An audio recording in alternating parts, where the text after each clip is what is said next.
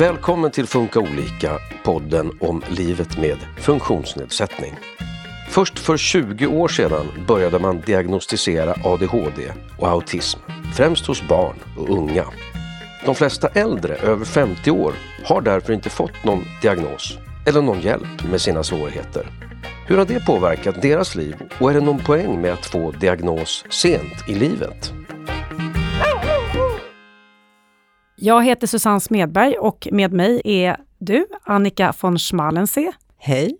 Du är ju projektledare på Attention och har gjort en ganska stor studie eh, där du eh, intervjuat och tittat på hur äldre med NPF-diagnos mår.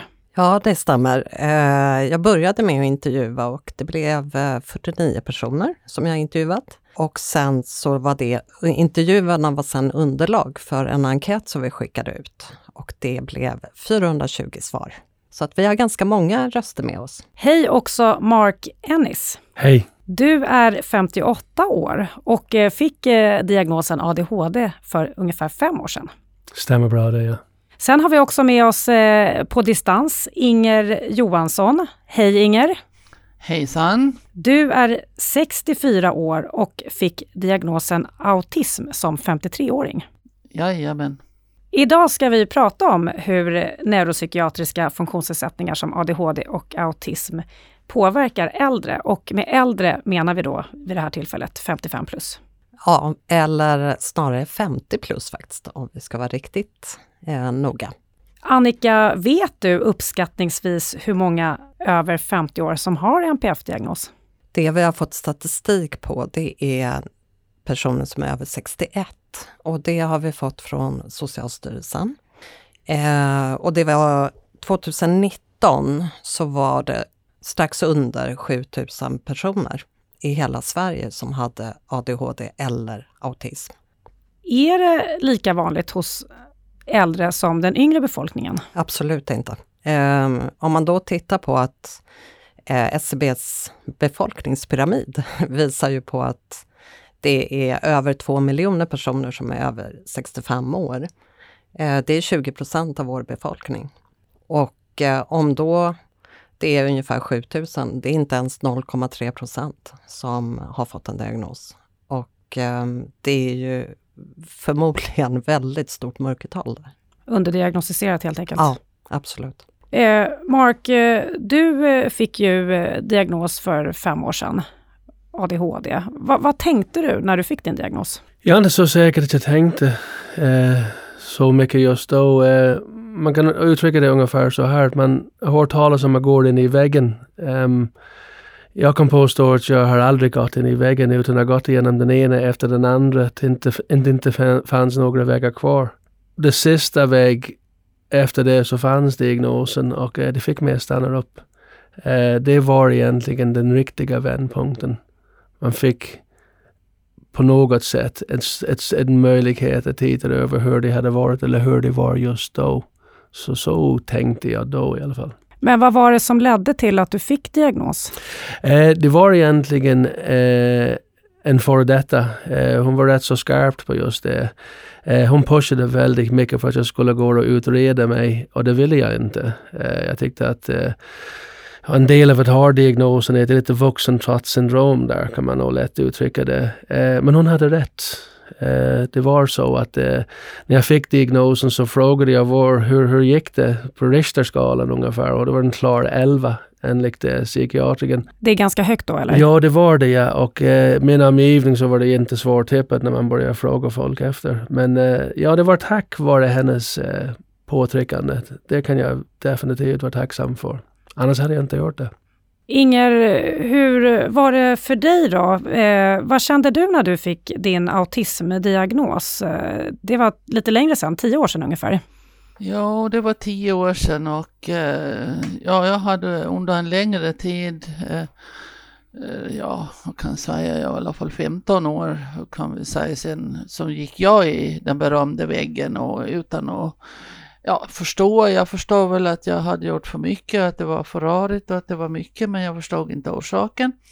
Sen hamnade jag, eh, ja, en lång historia däremellan, men jag hamnade i en livskris då min man var svårt sjuk och sen gick bort. Och jag gick vid psykolog och när jag blev själv så började han ju faktiskt märka att nu fungerar det inte för mig för jag hade, ett, hade behov av ett stöd som jag hade haft ifrån min man. Eh, och utan att vi visste någonting om det och sen tog det några år och jag fick eh, kriga lite för att få bli utredd och jag hade väl inte själv varit beredd på att det skulle vara Asperger som det då blev i mitt fall, utan att kanske ADHD. Men det är, det är ganska går i varandra idag allting så att eh, ja, mm, det var spännande och det var förstående först men eh, samtidigt så var det väldigt skönt. Annika, vad kan anledningen vara till att man får diagnos först då senare i livet när man är 50 plus? Eh, det är inte så länge man har diagnostiserat äldre Eh, eller vuxna rättare sagt. Och eh, när, ja men som Mark och Inger, när de var barn, då fanns ju inte diagnoserna. Så att det var ingenting man uppmärksammade. Man gick ju obs-klass eller man var en stökig unge eller men eh, diagnoserna fanns ju inte. Är det några skeenden i livet som gör att eh, du får diagnos just vid den här tidpunkten? Ja, just det här 50 till 60, det spannet. Det händer ganska mycket där. Det, dels är det nat liksom naturliga åldrandet som faktiskt börjar komma i fatten. De kognitiva exekutiva förmågorna försämras. Sen eh, händer det mycket i privatlivet ofta. Eh, det är inte ovanligt med separationer i det här, i det här åldersspannet. Eh, de egna föräldrarna som kanske har varit stödet i livet. Eh, de kanske blir sjuka eller till och med dör. Sen har man kanske hela livet hållit sig uppe för sina barns skull. Och nu börjar barnen flytta ut. Eh, och kvar står man. Så man blir ensam också. och sen är det ju även det här att man känner att arbetslivet börjar ta för mycket. Man orkar inte riktigt längre. Eh, känner eh, ni igen er i det Annika säger, Mark? Ja, absolut. Um, jag funderade själv nyligen på hur många jag har träffat i min ålder som har fått diagnosen att man försöker leva en omöjligt liv. Alltså, många som har ADHD är oftast högpresterande. Um, och lägger man till det där ett liv som har formats runt det där förmåga att lyckas att få allting fixat. Och precis som det nämndes att man hamnar i det här 50 till 60 spannet där det kognitiva ja, man kan säga att för de flesta så glömmer de nycklarna hemma, men man börjar glömma födelsedagar och spisen och var man har parkerat bilen eller vilket jobb man skulle gå till just den dag. Då är det en annan dimension på det hela. Hur är det för dig då, Inger? Ja, men det är ungefär samma sak där. Alltså det är ju så. Man, eh, man, när man är yngre då, då går man ju på i livet och i mitt fall så hade jag ju familj och hade klarat av det där och jag hade ju ett stöd som av min eh, man då som jag inte förstod förrän det var för sent höll jag på att säga. Eh, och det där var ju viktigt och sen hade jag föräldrar som hade gått bort precis som Annika säger här i eh, ganska, jag hade en liten familj men hela min familj försvann nästan så det var jag och min son kvar. Och det, alltså det är otroliga förändringar för alla människor. Men har man nu det här behovet av struktur, ordning och stöd så rämnar ju livet ganska totalt ikring en. Hur var det att berätta för familj och vänner eh, att du hade fått diagnos? Jag eh, vet så väl att jag var på väg till en, eh, ja, en liten träff med mina närmaste väninnor och jag mådde inget bra. Så jag ty- alltså det, här, det var som om någon hade pumpat in något konstigt i skallen på mig plötsligt. Och jag bara, det var det enda jag kom tänka på, det var det enda jag andades och åt, höll på sig. Så skulle vi iväg eh, hem till en och så skulle vi sitta där och eh, hade vi ju gjort jättemycket och vi har känt varandra i 30, var 30 års eh, år. Men plötsligt så sitter jag där och de såg ju och visste att det var något och jag hade talat om det för en av dem men de andra visste inte riktigt vad det handlade om. De visste ju att jag hade gjort någon utredning men att jag skulle komma dit den dagen och säga att det är så här att jag har Asperger, då sa jag en väninna, nej vad har de nu lurat i då? och då blir det ju sådär, äh, va, lur i mig? Och jag var så, för mig var det liksom äntligen fick jag ett svar. Ja, nu ska jag fokusera på det här utifrån det jag nu har fått veta. Så jag hade ju en hel bokstapel som jag skulle plöja igenom för att uh, verkligen se om jag kände igen mig och det gjorde jag på varenda rad. Men uh, ja, det är spännande och en del tog det bara. jaha, ja men det kunde man väl tro. Uh, ja, men många, alltså det, det har gått jättebra och folk har verkligen accepterat det. Hur var det för dig då, Mark? Jag kan säga att eh, det var något av en badkarskurva. Um, ehm, för det första så innan jag gick ut och berättade för någon annan så var jag tvungen att berätta för mig själv. Att få en diagnos kommer inte med en instruktion om hur du gör. Eh, och för det första, eh, tack vare ADHD så kunde jag hyperfokusera på just diagnosen, om det var något positivt med det. Och det är klart det finns en stämpel. Ska jag berätta för folk? Vad säger mina barn om jag berättar för folk? Vad säger folk om jag berättar för dem? Så när jag hade ändå börjat komma upp eh, ur badkarskurvan så insåg jag att i mitt fall hade det varit enormt positivt i vissa sammanhang. Och så började jag berätta först för mina barn och där var det inte direkt svårtippad pappa. Sen började jag ringa upp eh, före och chefer och folk som jag hade växt upp med. Och till sist så kände jag mig väldigt fri i att berätta att det här är någonting som jag har tampats med nu hela mitt liv. Eh, och det är ingen förklaring för varför saker och ting har blivit som det har blivit många gånger. Men det förklarar för mig. För det finns en sorg i det hela. Att liksom att jaha, vad är det där för? Så jag tycker att det finns en enorm positiv i det. Det, det gör det. Det är nu jag som säger det. Det är klart att för varje diagnos så finns en individ och ett annat liv bakom det. Men i mitt fall definitivt um, evigt tacksamt att jag blev baxad dit, om man säger så. Uh, och att jag kunde hantera det. Inger, har du haft några positiva upplevelser av att berätta om din diagnos? Ja, det har jag haft jättemånga gånger. Och när jag um Eh, när jag väl hade landat min diagnos och så där så var jag, jag var ju, eh, redan då så jobbade jag ju på RSMH, Riksförbundet social mental hälsa. Och där, har, där fick jag liksom själv svaret på det här att många som hade diagnoser kom gärna till mig när det inte fungerade i deras vardag. Så här. Jag hade ingen aning om att det var därför jag hade eh, lätt att kanske förstå deras situation och kunde tänka ut kanske en, ja men gör så här kanske bättre. Jag hade ju lyckats skaffa mig strategier själv i mina 53 år innan jag fick koll på diagnosen. De, de har jag insett att de har jag skaffat mig på ja, ett eller annat vis och det har, de, de har ju fungerat för mig många gånger. Annika, kan man säga något om hur den här gruppen äldre med MPF-diagnos mår generellt? Det är ungefär lika många som mår ganska bra som mår sämre. Men eh, det är lite beroende på var man befinner sig också. Om man just har fått en diagnos, väldigt många har ju inte fått en diagnos, det måste jag lägga till i det här. Eh, det har inte varit något krav i den här undersökningen att du har fått en diagnos utan du kan även ha problematiken men blivit nekad. Och det, det känner jag är ganska viktigt att vi ändå tar upp här också. Ehm, och den gruppen som kanske inte har fått en diagnos och som inte har blivit tagna på allvar. Den gruppen mår inte jättebra eh, många gånger. Eh, för det är fortfarande ett kämpande med att upprätthålla någon form av det här beteendet förväntar sig omgivningen. Um, och uh, det tar mycket kraft. Kan man säga något om hur NPF-diagnos såsom ADHD eller autism påverkar åldrandet? Vi behöver mycket mer forskning på det här området.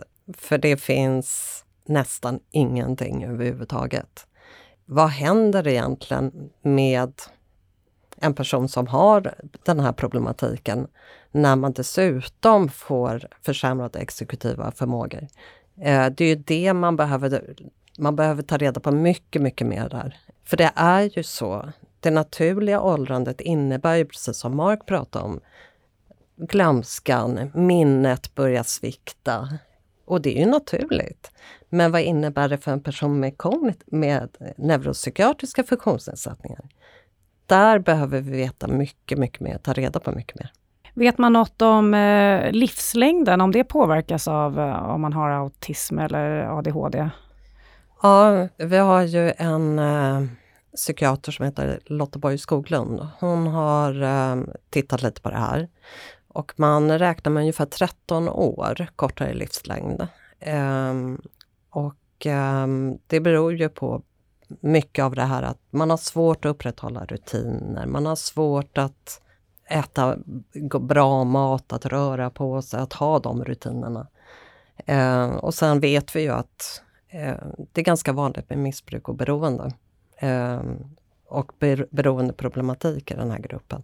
Och det påverkar ju också livslängden. Hur bra är man eh, på att ta hjälp eh, om man har beroendeproblematik?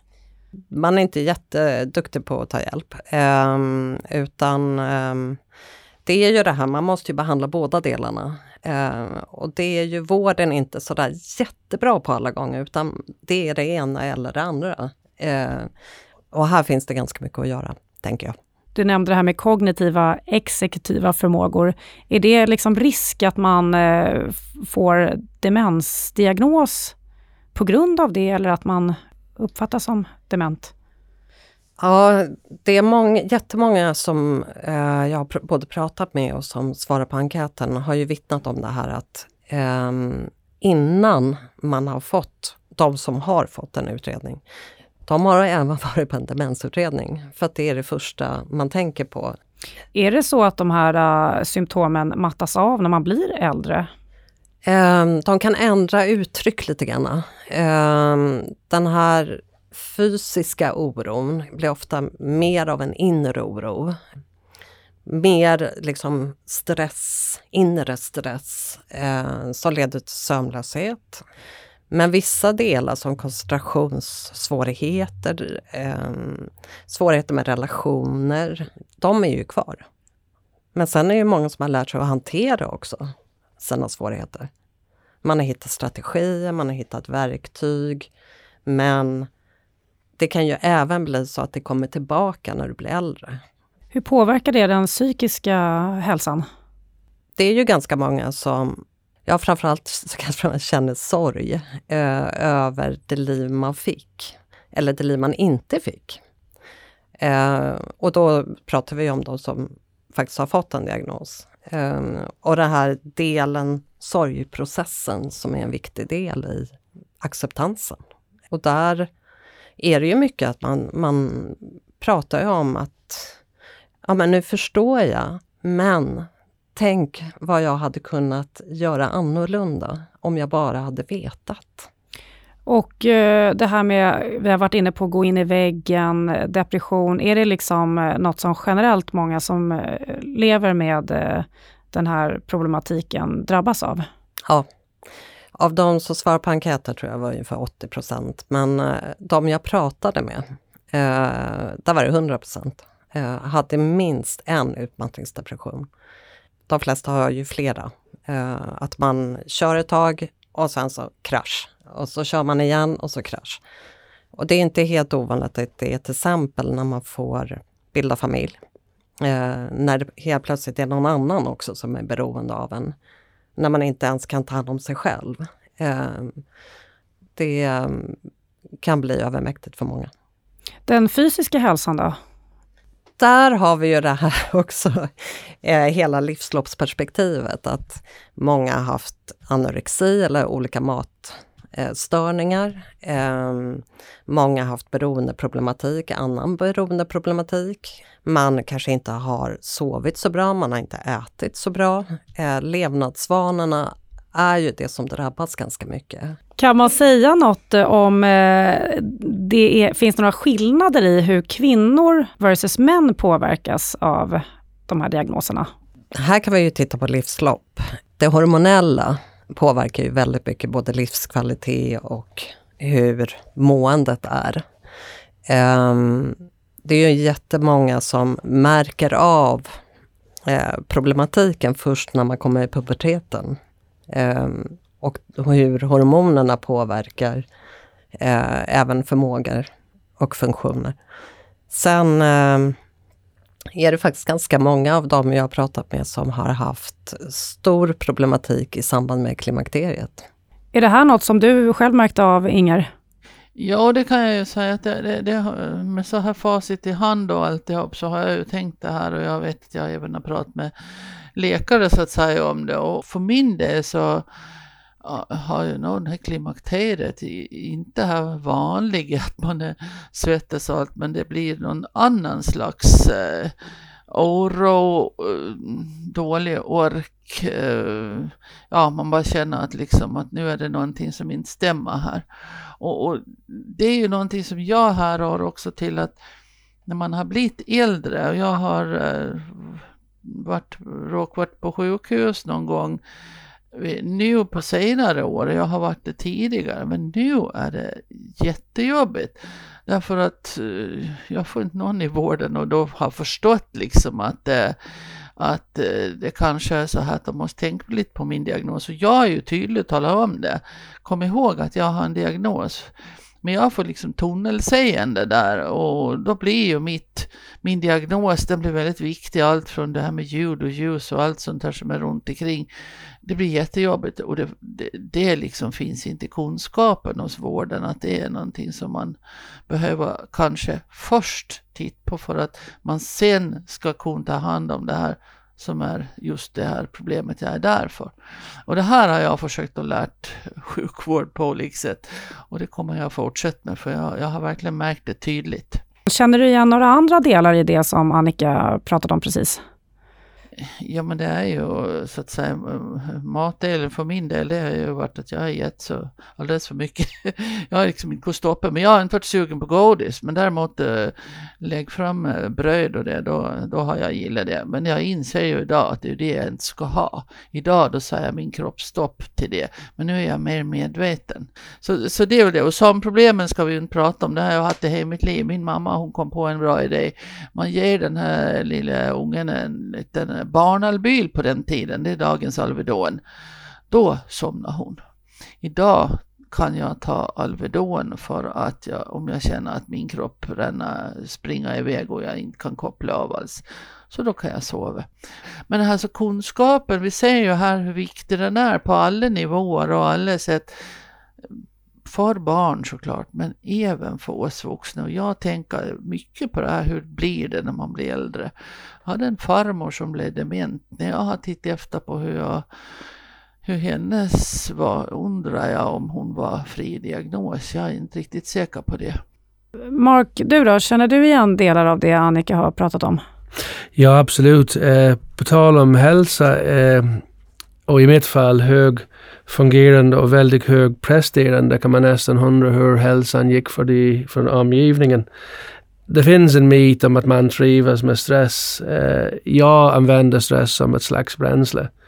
Eh, jag kan inte påstå att det var bra för kroppen eller bra för mig överhuvudtaget, men det gjorde att jag lyckades med det här omöjliga liv jag levde. Um, när det gäller hälsa kan man nästan långt säga att det, det beror väldigt mycket på var man befinner sig på skalan också. I mitt fall så fanns jag längst ut mot ADHD, eh, men jag hade mina resurser och under mitt liv så har det varit väldigt mycket sportande. Jag körde motorcykel på elitnivå, tävlade, klättrade i Alperna, eh, utsatt mig för enormt mycket faror, en del av ADHD. När det gäller kost eh, Nej, nu är jag mycket bättre, men det är klart, lever man i ett liv där man flyger och reser och hotell och allt vad det heter, nej, det blir ingen bra kost. Så jag tror när jag tittade över mina värden, ungefär när jag fick diagnosen, det var väldigt hög blodtryck, eh, hög blodfetter. Nu har jag fått det där under kontroll.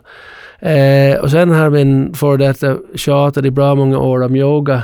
Eh, det är ingenting som jag ens använder i en mening under hela mitt liv. Men sen ungefär fem år tillbaka så, så håller jag på med det som kallas för yin-yoga. Eh, en timme, tre gånger i veckan.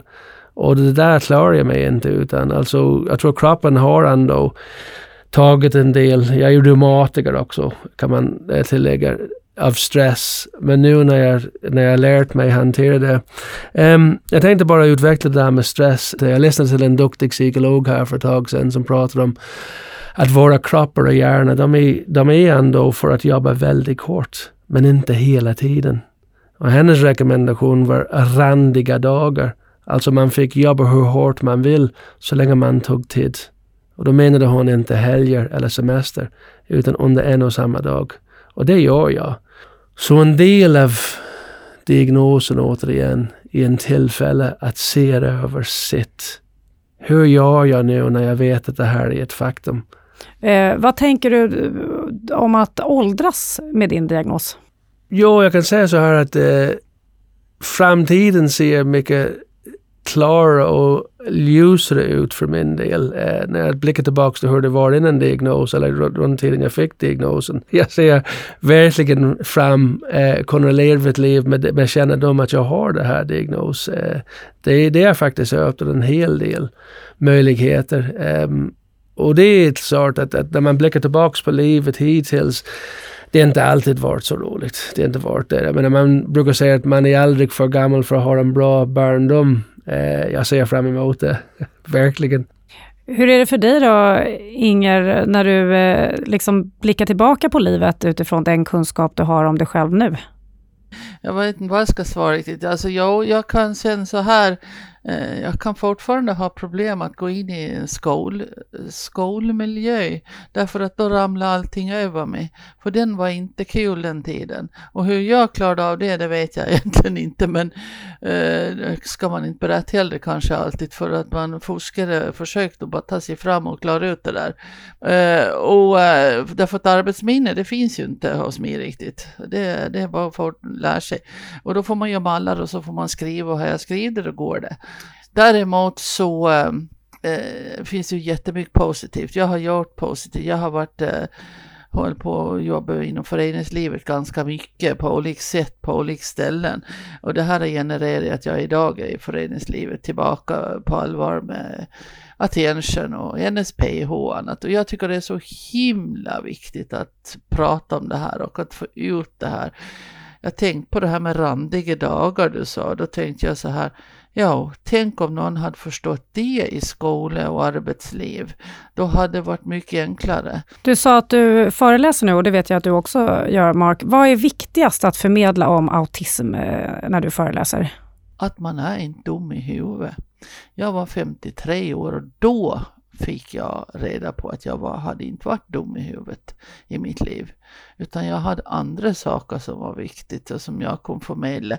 Ja, alltså för att man inte kan eh, lära sig någonting utan till alltihop på en gång så är det inte det, det där det sitter i.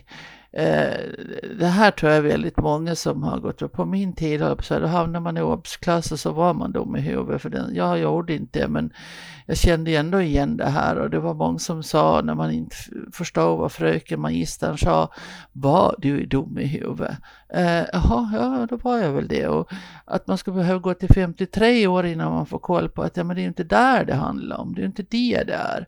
Utan det här är ju faktiskt, du ska, man måste få ett självförtroende och självinsikt och alltihop. Och du måste lära dig om hur du själv fungerar, annars kan du ju inte lära andra det. Jag tänker Annika, det som Inger säger här nu, vad gör det här med en som person? Jag vet inte hur många jag har hört som säger samma sak som Inger här nu. Ehm, det här att man från, ja, framförallt när man börjar skolan, det är, det är ju då det börjar för väldigt många svårigheterna. Och att då få höra hela tiden och kanske även från föräldrarna. Det är inte helt ovanligt att man faktiskt får höra från föräldrarna också att Men varför kan du inte skärpa dig? Det är väl bara att. Um, och att hela tiden få höra det år efter år efter år. Vad gör det med självkänslan? Um, du tror ju inte på dig själv. Um, och det är ju det som gör att väldigt många, man kämpar och man kämpar och man kämpar för att upprätthålla den här nivån som omgivningen tycker att man ska klara. Men man har så himla svårt. Det är mycket det som också gör att man blir utmattad. För man, man kämpar, man kämpar, man kämpar, och så orkar man inte.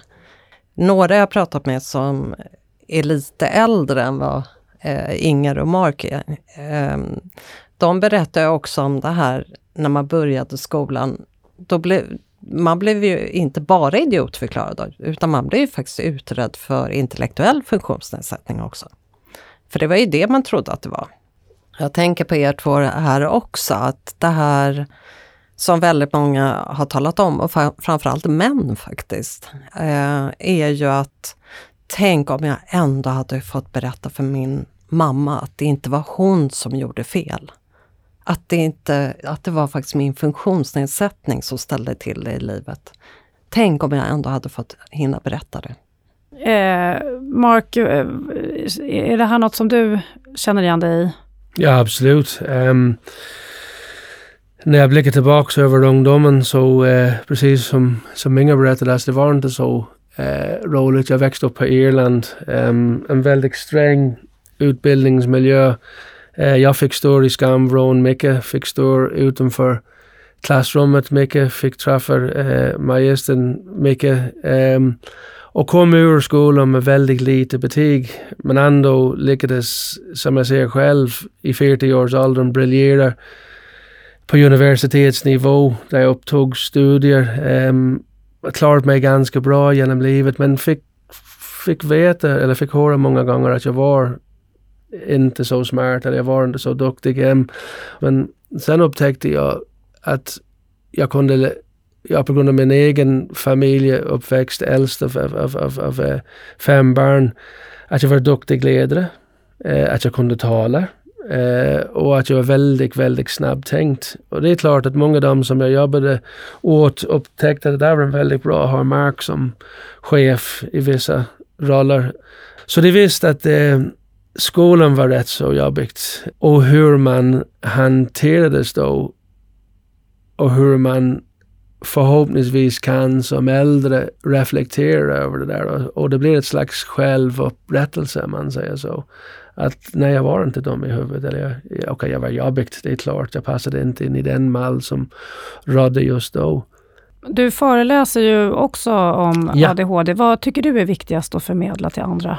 Eh, att man är inte ensam. Det finns definitivt eh, väldigt många där ute som inte har fått sin diagnos. Eh, och sen när man får diagnosen eh, och att man går igenom den badkarskurva, den är rätt så jobbigt alltså. Det måste jag erkänna. För det första, att få veta att man har en diagnos och landar i det, den badkarskurvan, det, det är mycket sorg i det där också. För man måste blicka tillbaka över hur det har varit för att sedan behöver återupprätta sig själv.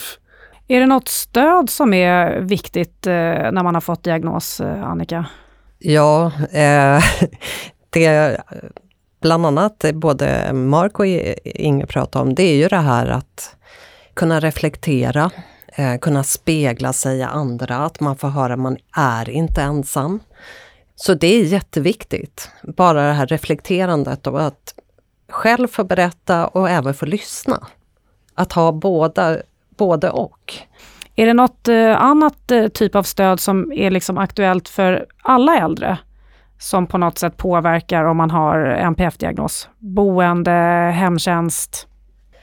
Eh, ja, absolut. Det, det, är klart att det är. Och där är det ju väldigt mycket kunskapsfrågor också. Många äldre eh, som kanske faktiskt fortfarande klarar sig själva, de är ju extremt oroliga för vad händer när jag inte kan ta hand om mig själv längre. När jag kanske hamnar på ett boende där personalen inte vet vad det här är för någonting. Bara det här med mediciner, eh, att de faktiskt inte har kunskapen om bemötandet, hur eh, vikten av rutiner, vikten av... Eh, eftersom man inte ser på en person som har en NPF-diagnos så är det ju lätt att du kör över och tänker att ja, ja, men det är som alla andra. Men det är ju inte riktigt det. Det, det de har sagt nu också är ju, um, för jag har ju frågat lite grann kring, Eh, får man stöd? Det är inte jättemånga som får stöd. Eh, och så har vi även frågat kring, behöver, har du behov av stöd? Och där är det nästan Ja, det är runt hälften som anser att man skulle behöva mer stöd för att kunna klara sin vardag. Och det är ju stöd kring rutiner, det är jättesvårt med myndighetskontakter och det är ju inte helt oväntat, tänker jag. Där är det några som säger att vi har fått jättemycket hjälp av personligt ombud. Men det finns inte överallt. Vad tänker du Inger om det här med liksom stöd när du blir äldre? boende eller? Ja, jag tycker det är jätteviktigt och jag har ju påpekat det redan en hel del och det är ju Eh, som sagt jätteviktigt att man vet att jag är medicinkänslig. Och det här med, med rutiner och allt och att om det blir förändringar att det förbereds sakta och försiktigt att det inte bara plötsligt så blir det si och då kan det ju bli väldigt besvärligt kanske för ja, det blir jobbigt för mig såklart som hamnar i kaosläge och det blir jobbigt för personalen som säger att jag blir helt galen kanske. Och vad beror det på? För de vet inte vad det handlar om. Så det är så mycket sådana små saker som betyder så mycket för oss och det är egentligen ganska enkelt att tillmötesgå dem om man bara har kunskapen. Eh, sen finns det saker som jag tycker också är det här med kontaktperson. Jag har själv en kontaktperson idag och jag vill, skulle ju inte vilja när jag blir 65 att jag ska byta kontaktperson, plötsligt tillhör något annat. Eh, att det inte är eh, inom LSS, att det inte fungerar på samma vis och det här. Det kan oroa mig redan idag. Jag har kontakt med henne lite sporadiskt idag, men jag har ett stort behov när det verkligen är behov. Då är det nu jag ska prata med henne. Och du då Mark, vad tänker du om eh, eventuellt stöd du kommer behöva som äldre? Tankar ja, um, ja, för det första så kan jag nästan intyga att uh, eh, ADHD-diagnos kommer sällan ensam. Uh, det kan finnas några uh, fysiska åkommor där. Eh, man kan tänka också att eh, ADHD ihop med den naturliga delen av åldrandet, de kognitiva som dyker upp, Um, och kunskapen kring det här är rätt så viktig. Uh, nu är jag ett litet tag kvar själv, men jag hoppas att allt som kan bidra till en bättre förståelse vore bra. Såklart, ja. Där skulle jag bara vilja flika in att det finns ju även de som är äldre och som har en partner. Där partnern kanske har varit stödet och strukturen. Och så blir partnern kanske får Alzheimer eller demens och då finns det en risk att hela livet, eh, strukturen bara faller samman. Så det är ju även utifrån partnerskap, alltså att man kanske har hängt upp väldigt mycket av stödet på sin partner. Är närstående ett viktigt stöd för den här gruppen? Absolut, och det, det visar ju att närstående är det största stödet som man får. Ehm, men det är, ju, det är lite känsligt också. Det, man hamnar i en beroendesituation och dels ekonomiskt men även strukturellt. Att man, man kanske inte klarar sin vardag längre. Och i det läget kan det vara bra om man då har fått diagnos så man kan få hjälp eh, från annat håll? Ja, absolut. Och eh, sista frågan här nu då. Var vänder man sig om man eh, tänker att man kanske har ADHD eller autism och vill få en utredning? I första hand ska man ju vända sig till sin vårdcentral eh, som i sin tur skickar en remiss till en psykiatri. Eh, förhoppningsvis finns en äldrepsykiatri, eh, men det finns ju inte överallt i landet.